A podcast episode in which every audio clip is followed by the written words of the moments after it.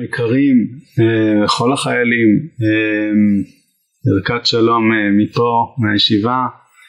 אנחנו נמשיך בלימוד הפרשיות, פרשיות המלחמה בתורה. נראה לאן זה יוביל אותנו. אני ממשיך עם הנאום שמופיע במעמד של לפני המלחמה. בחלק הבא של הנאום התורה אומרת אותו מפי השוטרים לכאורה ודיברו השוטרים אל העם לאמור מי האיש אשר בנה בית חדש ולא חנכו ילך וישוב לביתו פן ימות במלחמה ואיש אחר יחנכנו? מי האיש אשר נטע כרם ולא חיללו ילך וישוב לביתו פן ימות במלחמה ואיש אחר יחללנו? ומי האיש אשר רס אישה ולא לקחה ילך וישוב לביתו פן ימות במלחמה ואיש אחר ייקחנה אז הקטע הזה הוא קטע מאוד מפורסם וידוע אבל הוא מעורר תהיות אה, מאוד גדולות.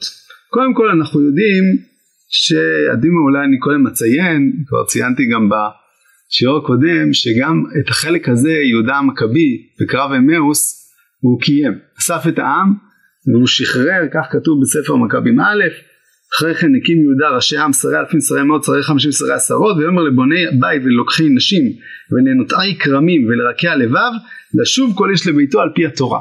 אותי זה מאוד מרגש לקרוא מקורות כאלה, שאתה רואה קיום מצוות קדמוני, אין לנו כמעט דוגמאות כאלה, יש לנו אולי דוגמאות קצת ארכיאולוגיות לקיום מצוות במקדש ובמקומות אחרים, אנחנו יודעים על קיום השבת ממקורות מכתבי בית שני, אבל ממש מקור שאתה רואה שהממלכה הקודמת שהייתה לישראל האחרונה, ממלכת חשמונאים, קראה את אותה פרשייה שאנחנו קוראים וקיימה אותה. אנחנו יודעים שגם במדינת ישראל חנן פורת אה, זיכרונו לברכה רצה בזמנו לעשות חוק כזה בספר החוקים של מדינת ישראל. העניין הוא שרוב המלחמות שלנו היום הן מלחמות אה, חובה או מצווה ולא מלחמות רשות ככה שהדבר הזה פחות רלוונטי אבל העיקרון הרוחני הוא עיקרון חשוב. אבל אנחנו רואים שהגמרא בסוטה אומרת שאת החלק הזה אומר הכהן ומשמיע השוטר. מה זה אומר? זה מבטא שיש פה שני ממדים, יש פה את הצד של השוטרים, את הצד הטקטי, אסטרטגי, מלחמתי, ויש את הצד הערכי שאותו מבטא הכהן הגדול, הכהן משוח מלחמה. הצד הטקטי הוא די מובן והוא קשור גם לפטור הבא שלא נדבר עליו כרגע אבל הוא ימס את, את, את לבב אחיו כלבבו. הרמב"ן וגם הרשב"ם כך פירשו את, את הטעם של המצווה למה אנחנו משחררים את אותם אה, שלושה טיפוסים כי שלושתם הלב שלהם נוקף, נוקף אותם פן איש אחר פן איש אחר יחללנו והפחד משתק אותם כמו סתם בן אדם שהוא פחדן שהוא הפטור הנוסף שמופיע בפרשה. ו, ולכן צריך לשחרר אותו.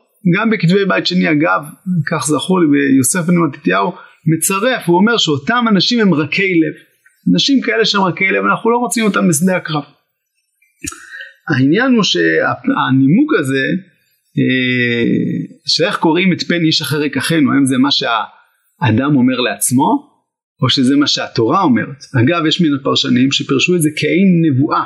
תסתכלו באחד התרגומים אני לא זוכר אחד מהם אה, מאונקלוס יונתן שיש פה ממש נבואה שאם הוא ילך זה מה שיקרה לו ולכן זה, זה אפילו לא רשות. דנים האם זה רשות לאותו אדם שאירס ונטע ובנה או שזה חובה? לפי הפרשנות הזאת זה חובה ללכת, זה מעין קללה שרובצת עליו. אבל בפשטות התורה מנמקת את זה ולא מנמקת את מה שיש לו בראש. כי אנחנו רואים שבסוף הפרשה יש את הירא ורך הלבב שהוא באמת ימס את לבבו, את לבב אחיו כלבבו. ולכן אמ, אנחנו נאלצים לומר שיש פה באמת מימד נוסף. והמימד הנוסף הזה הוא המימד הערכי שאותו מבטא הכהן משוח מלחמה. מהו אותו מימד ערכי? מה כל כך טרגי בכלל באיש שרס אישה ולא לקחה אנחנו עוד מבינים. נטע כרם ולא חיללו, אולי אנחנו לא מבינים את הקשר בין אדם לכרמו. בנה בית ולא גר בו. אני באמת יכול לדמות לעצמי סיפורים יותר טרגיים. בעיניי יותר אה, נורא זה אדם שיש לו משפחה ויש לו ילדים והוא נופל במלחמה. מאשר אישה שמישהו הרס איתה והיא תתחתן עם מישהו אחר באמת אבל זה מצער כל מוות הוא מצער אבל ברור שיש פה איזשהו מימד שהוא מימד סמלי יותר מאשר מימד מעשי. בכלל כמה אנשים כאלה יש בשדה הקרב שבדיוק אחרי כרם ולא חיללו. אחוז כל כך קטן שזה ספק אם זה בכלל משמעותי, פחדנים יש הרבה. אבל, אבל אנשים כאלה זה מעט מאוד. מה מבטא השחרור שלהם? יש מן הפרשנים, ראיתי את זה בכמה וכמה מקומות, שמדברים על זה שדווקא המימד הסמלי הזה אמור לטעת איזושהי תודעה בלב העם. אה, לא יודע מי זוכר, אבל מן הסתם רובכם זוכרים שאהרון קרוב בזמנו במבצע עופרת יצוקה, הוא לקח אישה אה, ויצא לקרב ונכנס לה, וזה באמת היה, נכנס לקרב ונפצע וזה היה אירוע טרגי אה, לא פשוט במובן הסמלי שלו. ומה מבטא, מה מבטא את הסמליות הזאת? היא מבטאת את זה שאנחנו לא זורקים את הכל לשדה הקרב.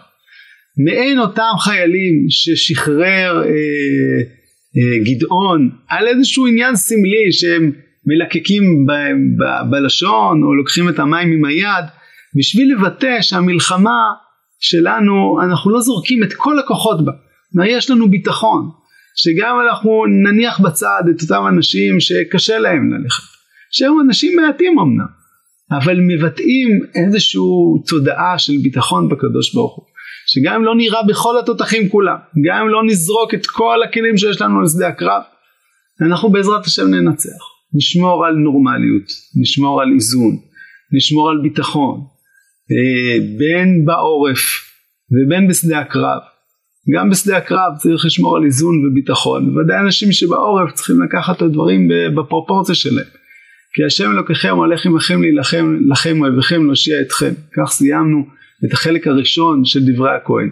עם התודעה הזאת ממשיך הכהן ואומר אם זאת התודעה שהקדוש ברוך הוא הולך לפני המחנה ומנצח בשבילו אז אנחנו יודעים שאנחנו יכולים גם לשמור על איזשהו איזון פנימי וחברתי כשאנחנו יוצאים למלחמה.